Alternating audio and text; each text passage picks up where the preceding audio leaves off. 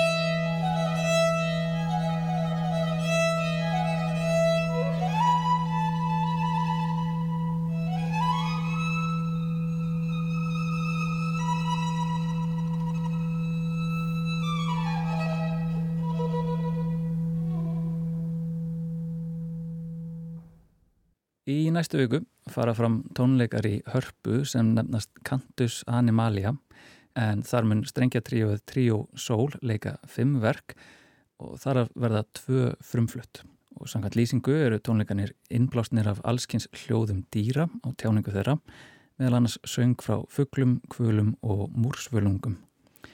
Og til mín í hljóðstofu er mætt Solrún Ylva Ingimarsdóttir, ein af fiðluleikurum Tríó Sól, en með henni í sveitinu eru einnig Emma Garðarsdóttir á fiðlu og Þórhildur Magnúsdóttir á víólu. Einnilega velkomin í þáttinn, Solrún. Takk fyrir.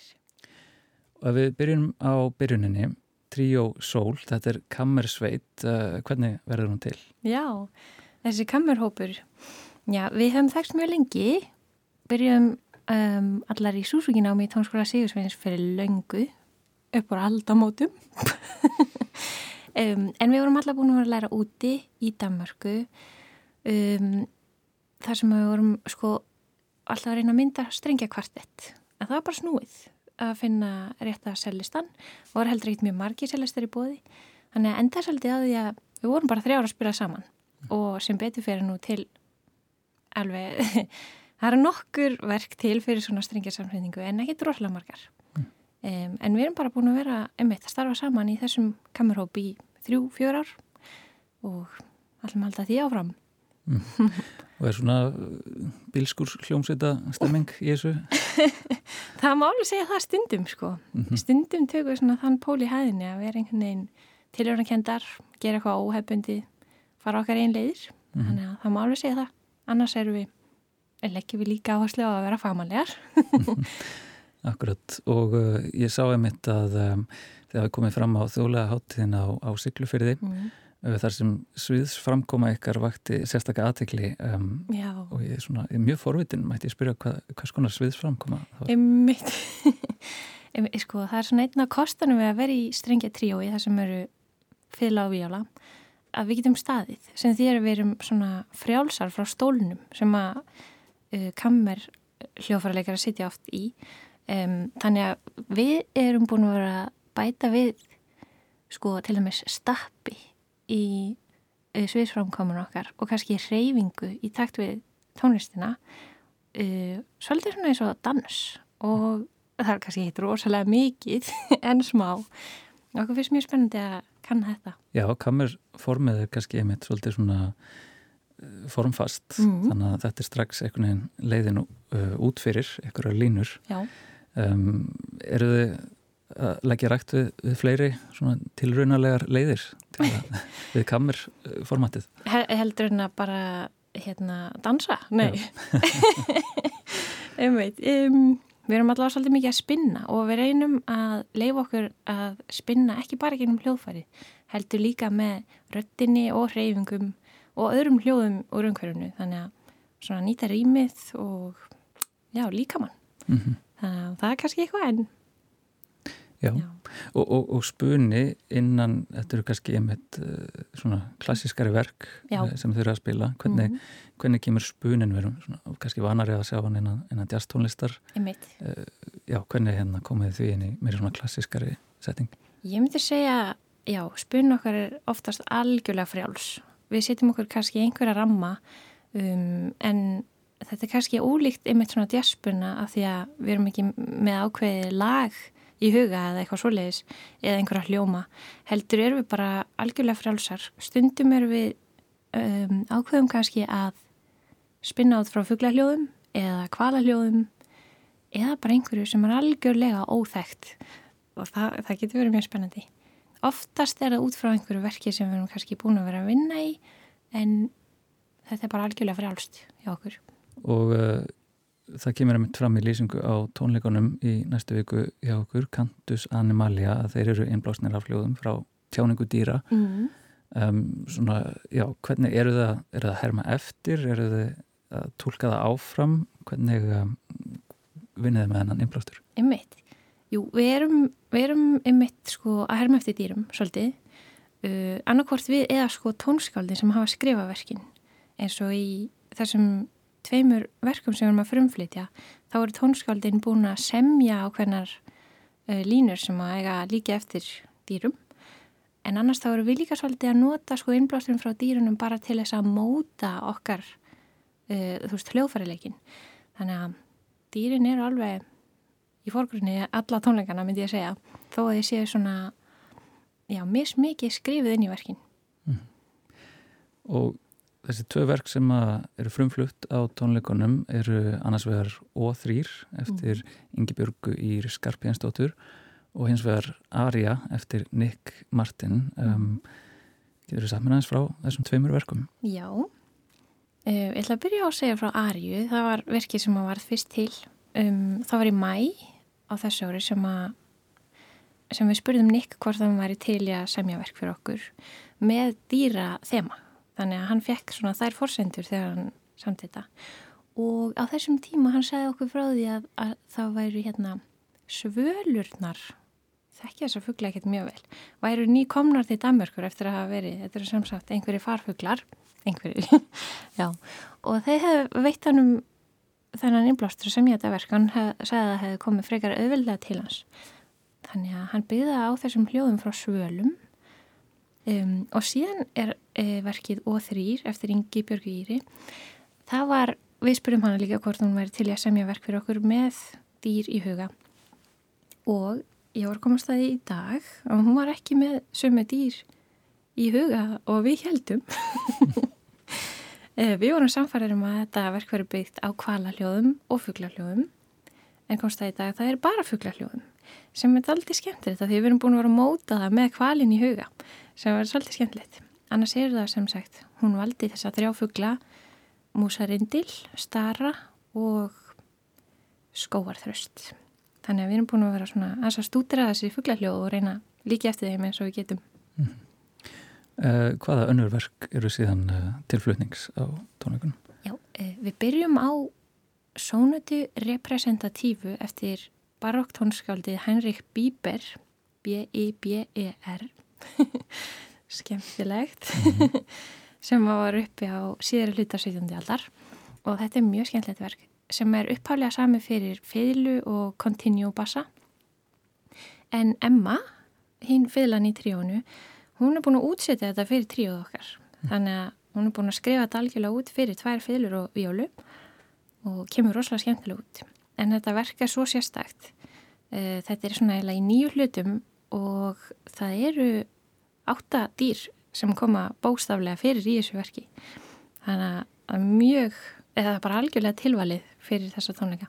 Það eru tvei önnu verk á dagskrá sem er hérna uh, Lendó annarkabli úr serinuðu eftir Kodai og hins vegar Trio Rhapsodia eftir Frank Bridge þessi verk er ekki beinlinni samin með dýri huga en við höfum bara verið að nálgast þau með með þau sem innblástur. Mm -hmm. Og uh, hvað líkur svo á sjóndeldaring Trí og Sólar mm. eftir, eftir tónleikana? Einmitt. Það er nú margt spennandi að leiðni. Það var margir líst yfir áhuga á að semja verk fyrir okkur. Ég ætla ekki að ljóstra neitt upp um það en þá. en það er eitthvað í bígerð. Mér finnst því svo tónskáld sem við þekkjum hafa bara sínt mikið áhuga á tríóna því að þetta er svona óvinnilegst uh, hljófæra samsetning og við erum líka bara mjög spenntar að prófa ennþá fleiri skapandi leiðir til þess að halda kamertónleika. Til dæmis veitum við eitt verk sem að blandar saman hljófarleik og uh, að mála með gulum lit. Mér finnst þetta mjög spennandi og vonandi fáum við að halda tónleika með soleisverkum líka. Mm -hmm. Já, ég, ég er svolítið spenntur að fylgjast með ykkur mm -hmm. en ég sé hérna að þú ert með fylguna með þér um, væri hægt að plata þetta til að gefa okkur svona tóndæmi um hvernig maður tólkar dýr Já. inn í hljóðfæri það væri hægt Já, veit ég þarf sko að pakka upp Já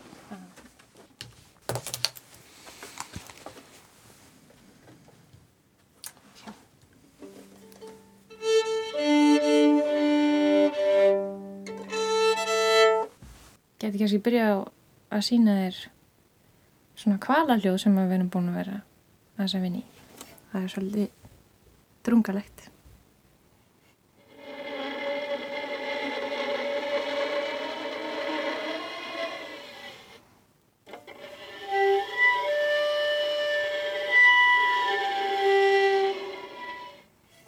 Svona eitthvað.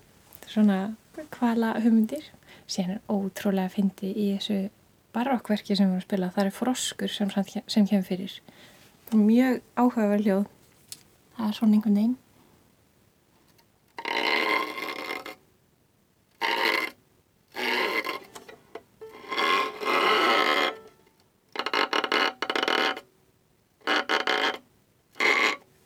Eitthvað svona. Um, og svo er fuggla hljóðin þeir eru nú kannski aðeins falleri Já, ég er svolítið búin að vera stúdara í mér svartröstin.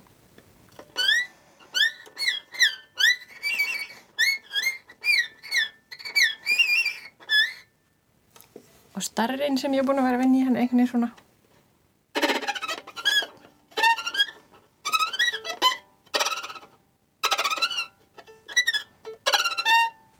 Eitthvað svona. Þetta er kannski ágæð dæmi. Þetta er uh, vægast sagt spennandi. Solrún Ylva Ingimarsdóttir, takk hjá það fyrir komuna í viðsjó. Takk fyrir mig.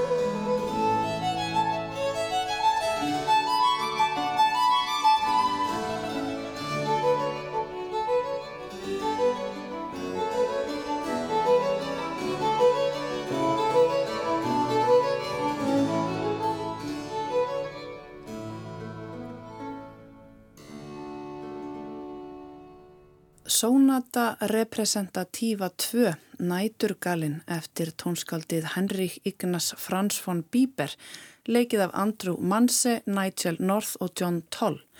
Þar á undan rætti Tómas við Solrúnu Ylvu Ingimarsdóttur um tríóið Sól og tónleikana Cantus Animalia sem fara fram í hörpu í næstu viku. En þá er komið að nýjum pislahöfundi sem flytur í dag sinn fyrsta pistil af fjórum um nostalgíu. Snorri Hallsson er reyndar góðkunningi þáttarins og fyrirverandi umsjónumæður tengivaksins hér á Rás 1. Í pislidagsins reykur Snorri uppbruna orðsins nostalgíu til svistnesku Alpana og tekst á við eigin fordama. Af nostalgíu, millir þess óumflíjanlega og ómögulega.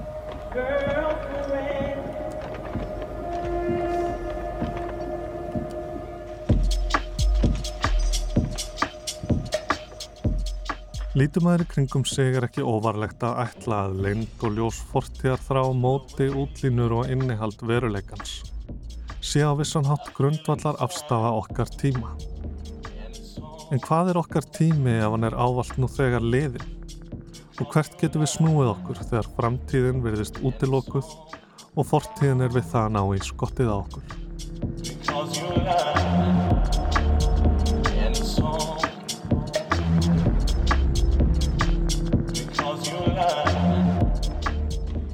Já, í floknu svo litið erfiðu sambandi við nostalgíu. Sambandi sem ég átta mig ekki alveg á og ég er ekki viss hvort afstæða mín til hennar eigi fyllilega rétt á sér. Það sem fær mig til að evast er augljós hræstninni af stöðu minni. Leiti hugur minn aftur í minningar, fólk, staði, bækur, tónlist eða hvað svo sem er sem á sér sérstakann sessi í hjarta mínu. Þá er það bara gott og blessað, fullkomlega eðlilegt hluti af því að vera manneskja. Geri aðrir sliktið sama getur það farið í töðarnar á mér. Á það til að byrtast sem einhvers konar stöðnun því tilfinningaleg tengsl og merking hlutana er mér ekki endilega ljós. Þessu get ég auðveldlega breytt með das af umburðalindi og jafnvel bara smá forvitni. Viðleitni til að afhjúpa heið dulda með nokkrum einföldum spurningum öðlast hann í skilning og kannski hlutdeild í merkingarheimi viðkomandi. Það er aldrei að vita nema tengingar okkar skarist. En kannski skarast þær alls ekki og þá verður bara að hafa það.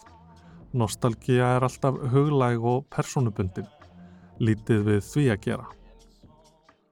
Og þó, því svo nostalgía sem er mér hugleiknari og verður til umfjöllunar, verðist mér algjörlega ópersonuleg menningar, afurðir, stjórnmálarhefingar og jafnvel lífsviðhorf sem hengja sig á nostalgíu brautir heilans og ná fram áhrifum sínum með því að valda þar skamhlaupi og kalla fram þrá eftir tíma eða stað sem jafnvel ekkert okkar hefur upplifað. Hlutirnir voru betri í gamla daga. Hér er skemst að nefna sjónvastætti sem draga upp rósröða mynd af nýjunda áratugnum og úlingar fættir á þessari öld kolfalla fyrir. Pólitík sem bóðar afturkvarf til glæstrar fortíðar sem aldrei var til og nýjaldarspeki sem finnur lausn á vanda nútímans í býræfnu menninganámi. Fortíðin hrannast einhvern veginn upp. Það verður meira og meira af henni í hérinu og núinu og ég veldi fyrir mér hvort hún taki einfallega of mikið pláss nú þegar öllu er haldið til haga, ekkert gleimist og allt er merkilegt fyrir þær sakir einar að það átti sér stað. Slíkur er máttur nostalgíunar að mín fyrstu viðbröð eru þrá eftir einhverjum óræðum tíma þegar þetta var ekki svona. Ég meina það þegar ég segja að hún sé óumflíjanleg. Þetta er výrað í okkur og hér verður strax fyrsti ómöguleikin á vei okkar. Það er engin leið að hverfa aftur til fortíðar. Við búum í veruleikanum, ekki í vísundaskáldsögu og þó það væri hægt þá er slík fortíð ekki endilega svo sem við leitum og fortíð án nostalgíu er erfitt að finna. Því nostalgíja í sinni upprunalegu mynd sem heimþrá og ekki bara heimþrá heldur óstjórnlegur sársöki er alls ekki nýjaf nálinni. Nostalgíja rændi fólk vitinu.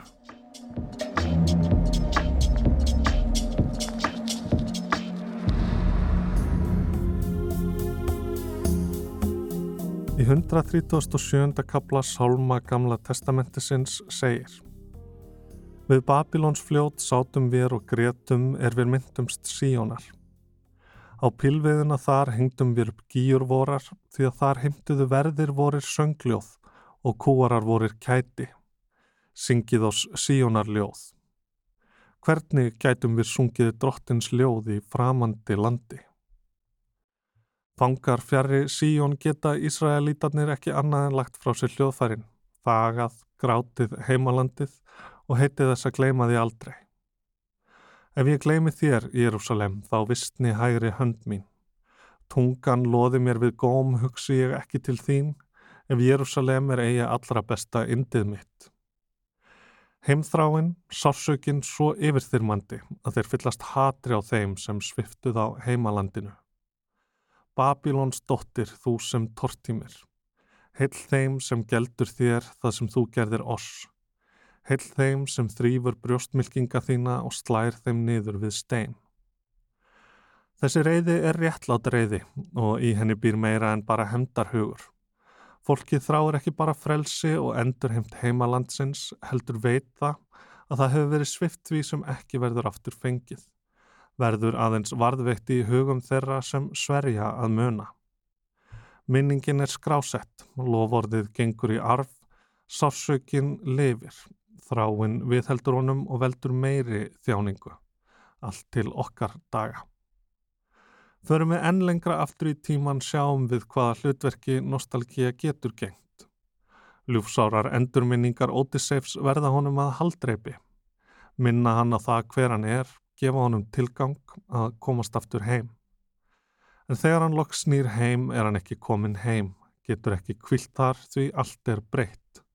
För hans er langt frá því lokið, hann heldur áfram allt þar til guðirnir skerast í leikin.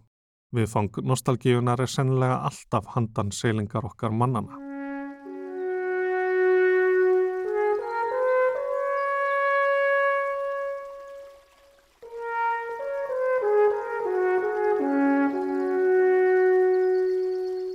Upprunni orðsins nostalgía er grískur. Það er samsett úr orðunum nostos, heimkoma eins og Odysseifs og algos, sorg, örvænting, sársöki. En þessi samsetning kemur þó ekki frá Greiklandi heldur Sviss og ekki frá Fornöld heldur þeirri 17.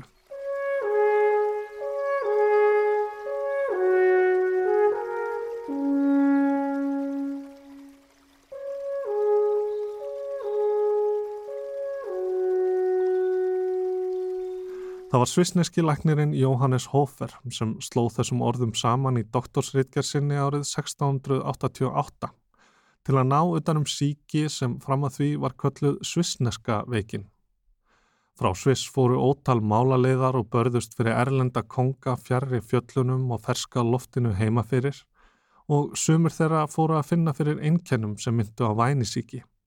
Nefn að það voru ekki ímyndaðar ofsóknir sem gerðum en brjálaða heldur löngun og melankóliu nema ekki svo almenn heldur bundin við tiltekna hluti og staði. Sum enginnin voru skiljanleg, melankólia listarleysi þunglindi. Önnur voru undarleiri, vannæring, bólkur, sóttiti, hjartastopp. Að heyra rattir og sjá drauga þeirra sem saknað var. Mála leðarnir hurfu inn í sig. Það greindi raunverulega nostalgíkjara frá þeim sem þóttust bara til að sleppa við átök. Hofer gaf þá skýringu að umværa reyða veiki hugans sem orsakaðist af sífældum výbringi anda í þeim vefjum miðheilans sem ímyndir föðurlandsins höfðu greift sig í. Þrá ekki kent hugsunum heimalandið, grátt, köst, kvíði og svepleysi hjælt mönnum í heljargreipum nostalgíunar.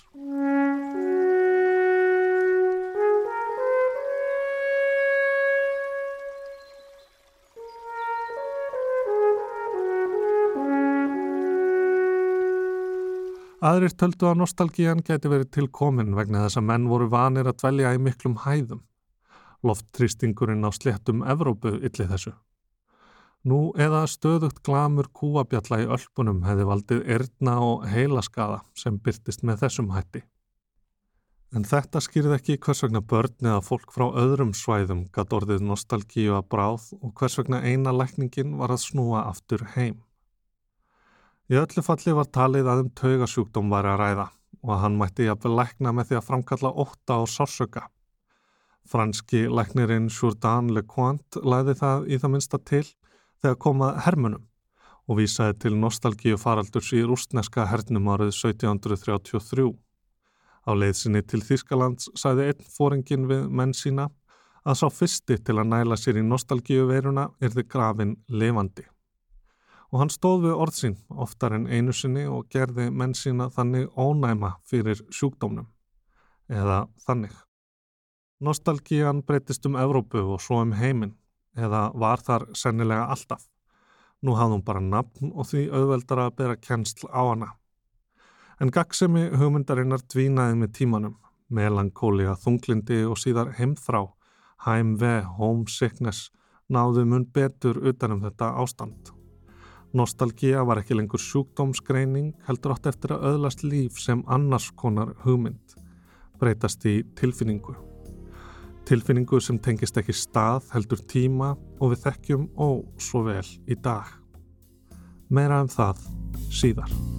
By the river's dark, I wandered on. I lived my life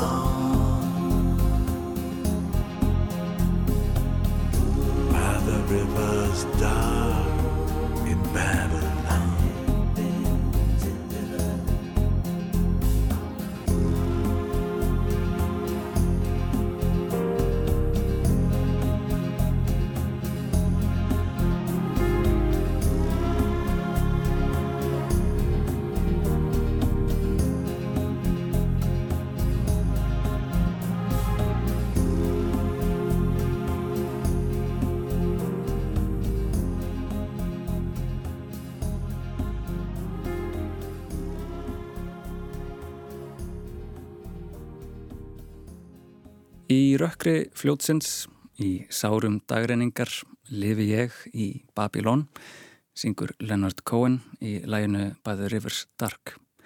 Þar á undan flutti Snorri Rann Hallsson sinn fyrsta pistil af fjórum um nostalgíu. Á morgun, miðugudaginn 11. oktober, hefst hér í borg ráðstefna Evrópskra arkitektúrsakfræðinga sem haldin er á vegum Listáskóla Íslands og MoMA. Ráðstefnan stendur yfir til 13. oktober og henni munu nokkur af helstu fræðingum samtímans velta fyrir sér sambandi hins manngerða og náttúrulega umhverfis sem er ansi spennuþrungi í dag á tímum lofslagsbreytinga. Óskar Örn Arnósson, verður velkomin í Vísjá. Þakka þið fyrir. Hvað kemur til að, að ráðstefna evrópskra arkitektúrsakfræðinga er haldin hér á landi? Og uh, akkur í samstarfi MoMA, hvernig kom þetta til? Já, ég fæ kannski svara þessu, fæ kannski svara setni hluta spurningarnar fyrst. Um, akkur í MoMA, Museum of Modern Art í New York, um, en það er nefnilega þannig að um, Museum of Modern Art er fyrsta sapnið uh, til að hafa, til að stopna arkitektúrdeild og fyrsta síning uh, deildarinnar er einmitt síningin um, ég man ekki alveg nákvæmlega hvað hún heitir hún heitir eitthvað svo þess The Architecture Exhibition The International Style. Og er venjulega þekkt sem bara The International Style Exhibition. Þar sem að þetta, þetta hugtak International Style, alþjóðlegi stílinn í arkitektur er nánast uh, svona hérna er, er í rauninni smíðað uh, og fram að því um, þá hafði það sem að í dag er þekkt sem modern arkitektur verið einhvers konar umbótarhefing og þá jafnan til umbóta fyrir verkalíðin og var þar að leiðandi á einhvern hátt félagsleg nánast sko social, uh, socialistisk reyfing en síðan gerir og, og er það lengi vel á, á hérna, meginlandi Evrópu til dæmis á þriðja áratugnum um, síðan er það sem tekur til að síðan er það sem gerist er að uh, í Þýskalandi nazista uh, þeir loka báhásskólanum um, í, í þarna sovjetríkum Stalins uh, þar er mótenismi gerður útlægur og tekinu upp svona hérna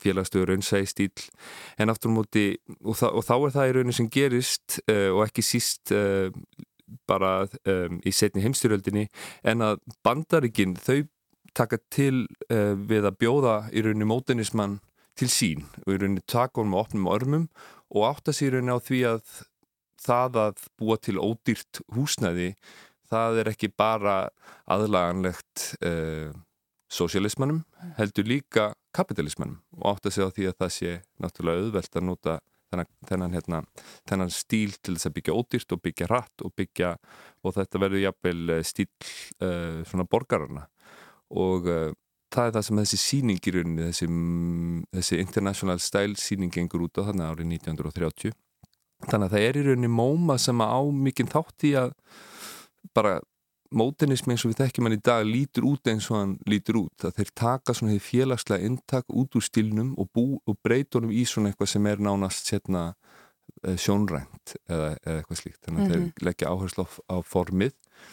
Og síðan sko eftir að bandarækjumennir vinna stríðið og margir af þessum mótenismi eru, þá fluttir til bandarækjana þá fer hann svona eins, eins konar siguförum heiminn mótenismin lengi vel þá er í rauninni eins og það sé bara engin önnur hérna, engin, hvað segir maður, ekkert alternatív uh, en það sem að síðan byrjar að gera svona upp úr 1960 er að þá tekur fólk átt að segja á því að það sé nú ekki allt með feldu í bara hérna innvæðingu vesturlanda og þá líka bara hvernig arkitektur hefur spilað inn í þessi innvæðingu og allt í hennu byrjar fólk að sjá að það sé kannski að mótenismi sjálfur eða kannski eitthvað hlut í í rauninni hvernig komið fyrir umhverfinu, hvernig komið fyrir borgunum okkar og svona kemur svona ákalla á einhvern veginn öðruvísi hérna, einhverja, einhverja öðruvísi hugsun og þá verður nánast eins og arkitektur sjálfu verður einhvers konar uh, skótspót mm -hmm. um, og þetta er þá í rauninni upprunni hérna postmodernismans í arkitektur um leið og þetta er upprunni svona hérna uh, húsvendar uh, stefnu Vesturlanda og slíkt þannig að mm -hmm. þetta er svona langur aðdrandi Þannig að eh, MoMA á þetta svolítið stóran hlut þátt í því að krifja bara stefnuna og færa hana inn á söfnin líka og búa til eitthvað svona apparat í kringum svona rannsóknarmiðstöð líka er það ekki sem verður til hana? Jú, akkurat, akkurat og, og, og lengi vel þá svona kynir hún akkurat uh, þá er svona bara þessi stíl mótinismin og MoMA sjálf svona samofinn mm. en það sem gerist sko þarna í kringum 1968 er að það verða til alls konar að, öðruvísi reyfingar um, aðrir arkitekturar arkitektar sem er að hugsa á allt annan hátt en þeir eiga kannski ekki beinlinis heima inn í safninu og eru aldrei teknir inn, á safnið. Uh, en það sem er að gerast núna undanfarnar kannski undanfarnir fimm ár ef við komum í nútíman og reynum að noksins að fara að svara spurningunni eða almenlega að þá er það þannig að sko í dag þá er allt í nú orðið svo mikið aðkall uh, þá, er það svo aðkallandi að finna sko hvað hvaða aðra leiðir, hvaða aðrir arkitektur, aðrir arkitekturar uh, eru mögulegir, uh, hvernig getur við byggt þessa, hérna, þessa jörð sem við erum búin að fara svona illa með á einhvern annan hátt? Og er mögulegi til dæmis að leita aftur til annara arkitektúra til dæmis frá nákvæmlega þessu tímabili eða frá svona, setnir, svona miðbyggja aldarinnar sem að var í rauninni lokað út úr söfnunum. Þannig að MoMA þá stopnar þessa nýju stopnin sem heitir að Ambas Institute of um, Architecture and the Environment sem er sko, svona eins konar sjálfsgaggríni sapsins, svona gaggríni sapsins á sig sjálft og, reynir að hugsa sko hvernig hefðu við, ef við hefðum ekki alltaf lokað út í þessa arkitektúra, ef við hefðum ekki búið til þennan móteníska stíl sem að svona er að einhverju leiti útilokkar til dæmis uh, staðarenginni mm -hmm. uh, útilokkar, uh, reynir í rauninni að gera það þannig að verkum að sami arkitekturinn getur þrifist annarkvort sko í Hafnafyrði Reykjavík eða í mm -hmm. hérna, Brasilíu, í, í Rekskónum í Brasilíu Það er þetta svona einn helsta kannski gaggrinn á mótenismann svona og það ástæði þess að hann hefur átt kannski undir högg að sækja að því hann tekur ekki mikið mið af samtíma sínum eða umhverfi Akkurat, já og, það, og, og þarna vil ég ekki beilinnis vera sko, veist, ég vil ekki endilega leggja áherslu á að allt öll þessi gaggrinni sé rétt mm -hmm. eða mhm. réttmænt, það er um leið frelsi mótunismas, er það að Veist, það er í rauninni verið að reyna að jafna vogaskálarna, það er verið að reyna að segja að það eigi öll rétt til dæmis á ég veit ekki, ljósi reynur lofti hérna einhvers konar uh... sem var þessi fallega hugmynd mótenismans í upphafi Já, akkurat Einmitt. En þetta Ambas Institut, vegna þess að nú er það arkitekt sem er einmitt þekktur fyrir svona það sem hefur verið kallað grænarhefingin, er það ekki? Jú, akkurat. Segð okkur eins frá því.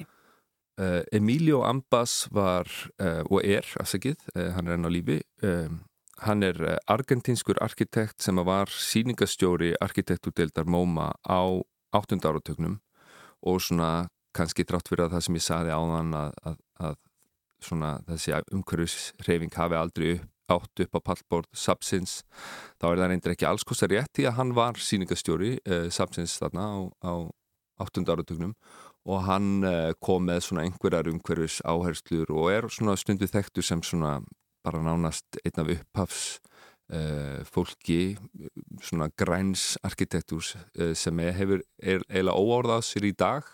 Eh, við tekjum svona hugtækið greenwashing þar sem að þú í rauninni tekur eitthvað sem er í grunninn Um, or, hungraði orku en þú klæði það einhverju grænni kápu og þá lætur það líti út fyrir að vera umhverfsvænt en uh, hann var til dæmis fyrstur til þess að byggja byggingu sem að var sko klætt í rauninni garði, það er fræð bygging eftir hann í Japan, það sem þú getur nána sko, það sem hann segir, heyrðu, þú þarf ekki að hafa annarkort garð eða hús heldur getur byggt það eins og svona í rauninni sneið af súklaðiköku á hlið og þannig að þú ert með ramp upp á húsið og þú getur gengið alveg af götunni og alveg upp húsið og að þú ert komin á efstuhæð húsins og þú gengur bara upp eitt svona grænan gard þannig að þú ert í rauninni bæði með húsið og gardin heldur þú ert búin að fletta gardinu upp og koma húsinu undir það er svona eða kannski best hefnaðast að svona byrtingamind þessa arkitektúrs þannig að hann er svona mikil uppafsmaður og, og þess vegna er, eh, er þessi,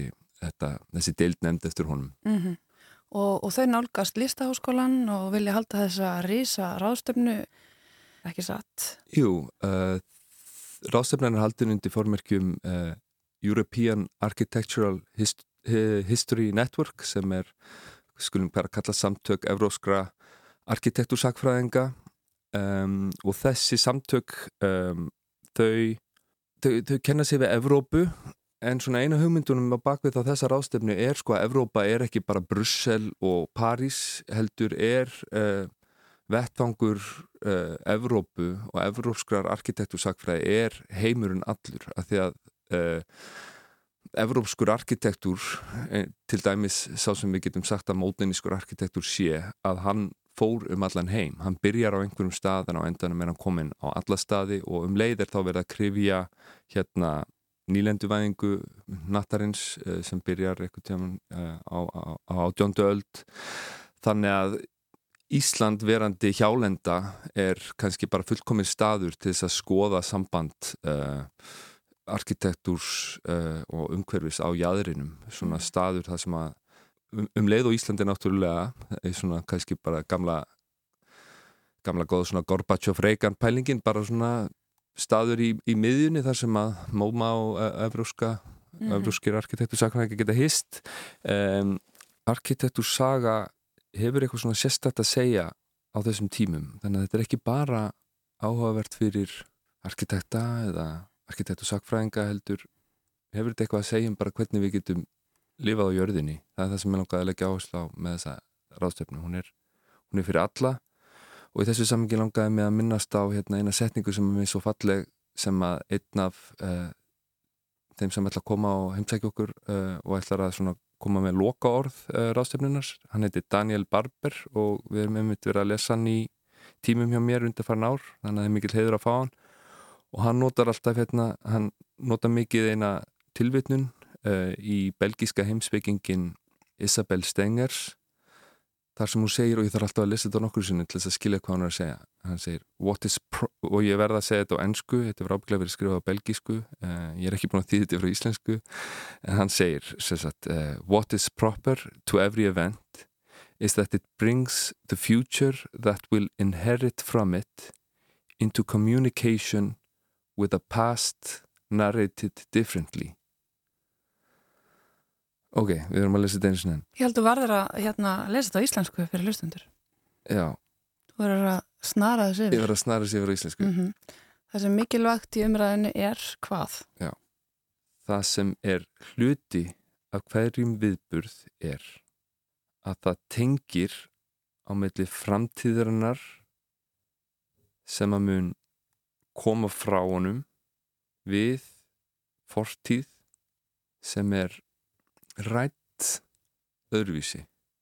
Þannig að ef við ræðum ok, narrati þetta er kannski ekki alveg fullkomið orð en ef við ræðum fortíðina á annan hátt og svona finnum önnur augnablík í fortíðinni sem að sem að sína fram á einhverja möguleika sem voru útilokaðir að því að við vorum svo upptikinn af the international style, að því að við vorum svo upptikinn af hennu sjónræna, að því að við vorum svo upptikinn af að, að ef við finnum eitthvað í fortíðinni sem að er í rauninni hluti af okkar samtíma, þá getur allt í hennu framtíðin orðið öðruvísi.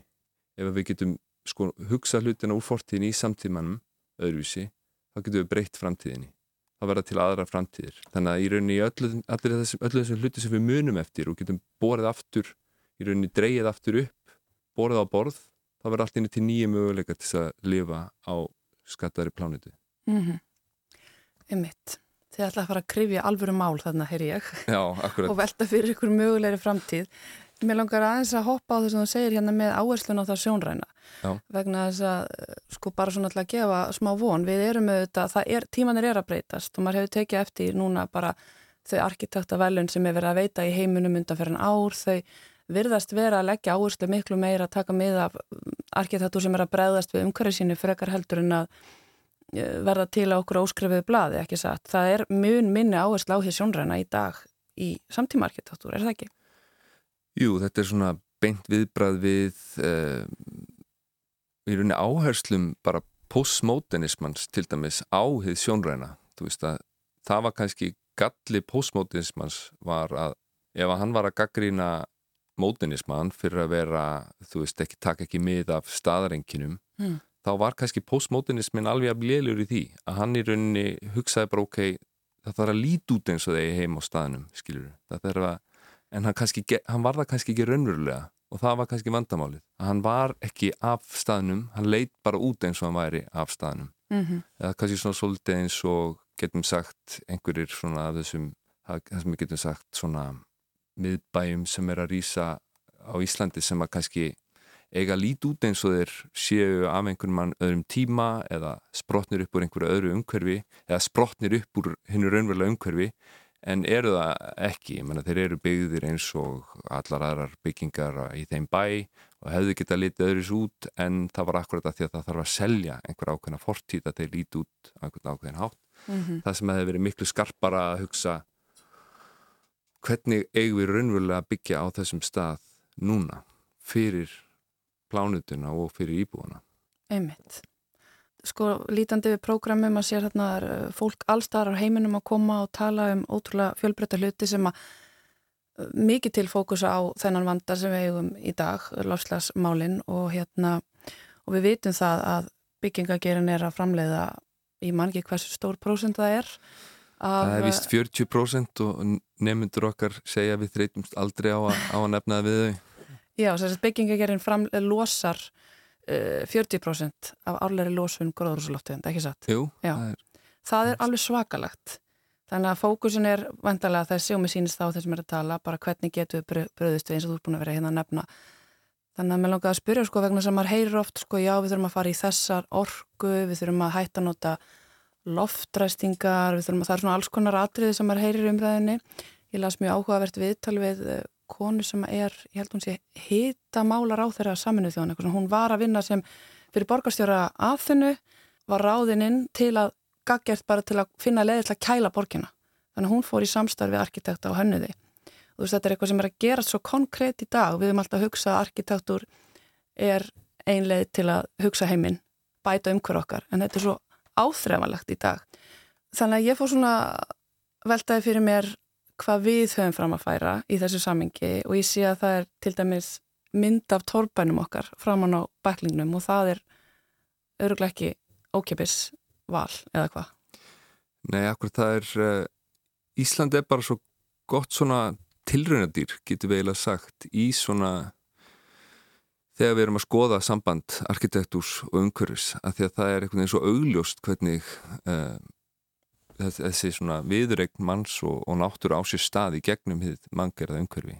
Að við getum sagt að arkitektúr er alltaf einhvers konar tilraun mannsins til þess að búa sér til eitthvað inni rými til að skíla honum frá uh, náttúröflunum og uh, þessi breyting úr þessi, þessi, þessi leiðangur úr torfbænum árið, hvað ég maður að segja, úr skálanum árið 870 eða hvað, hvað ég maður að segja til uh, steinstiftu húsana með álklæðningun í dag. Þetta er í rauninni bara ein allserjar hérna, saga um baráttu við umhverfið. Og, og, og svo er það í rauninni, það sem spilar inn í þarna er í rauninni bara efnahagur þjóðar, aðgengi að hinnum ymsu efnum uh, og uh, svo tæknithróun sem að þannig að það er alltaf hægt að lesa einhvern veginn þjóðfélagsaðstæður út frá því hvernig um, mannfólkið á í þessari viðrögn uh, á hinnu og þessu skiptinu bara með því að skoða bygginguna. Og það er einhvern veginn svo gagsætt mm -hmm. og þess vegna er, uh, þess vegna er íslenskur arkitektur svo, svo áhugaverð held ég fyrir, fyrir þetta fólk. Mm -hmm. þó að það sé kannski og ég menna ég held að þau vitið það ekki alveg sjálf. Ég menna ef að þið lesið prógrami þá er þetta að taka eftir að það er í rauninni engin að skrifa um Ísland þannig að það er í rauninni bara það er í rauninni það sem við erum að gera hér. Við erum að bera okkar arkitektur á borð. Við erum í rauninni, getum við sagt, við sem að opna okkar arkíf okkar skjálasapn uh, í svona, ekki bókstafleiri mynd heldur í, í svona hvað ég var að segja, í svona hérna, mynd, myndgerfingu það er verið að opna Ísland og bjóða arkitektursakverðega velkomna til þess, að, til þess að segja þess að sögum með okkur Einmitt, krifið þessa viðrögn sem framöndan er já. með fortíðinni eins og sagði ráðan Akkurat, já Takk einlega fyrir að koma og vekja áhuga á þessari ráðstöfnu Óskar Örn Arnórsson arkitektur sagfræðingur hjá Listaháskóli Íslands. Takk fyrir komuna. Takk fyrir, takk.